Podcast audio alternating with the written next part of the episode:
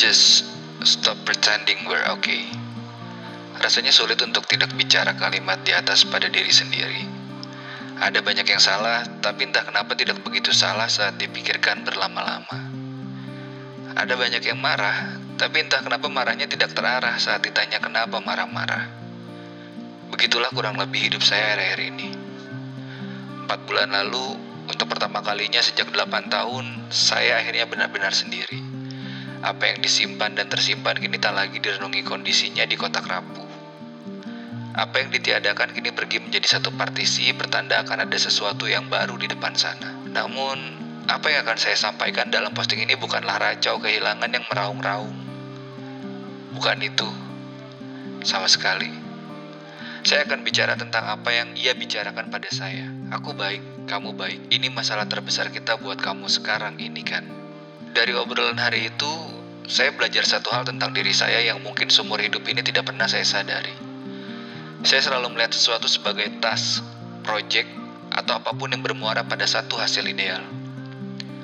Tidak peduli seberapa banyak batu besar, pohon tumbang, atau ranting berduri yang kami lewati saat berlari menerobos hutan gelap bertahun-tahun, yang saya dapati setelah semua rintangan itu adalah lapangan parkir luas dengan deretan mobil yang akan mengantar saya pada perjalanan baru. Bukan perjalanan yang ini, yang sudah dilalui bersama-sama sejauh ini dan klasik saya akan selalu kembali memilah-milah keseruan apa yang akan kembali dilalui ke depannya. Harus bermasalah, penuh perjuangan, dan bisa dipertaruhkan. Dan perjalanan itu akan terus berganti dengan perjalanan-perjalanan baru lainnya. Setahun, dua tahun, atau sewindu bukan ukuran. Bukan tentang siapa dan seberapa lama. Tapi seberapa jauh saya bisa berjuang untuk sesuatu.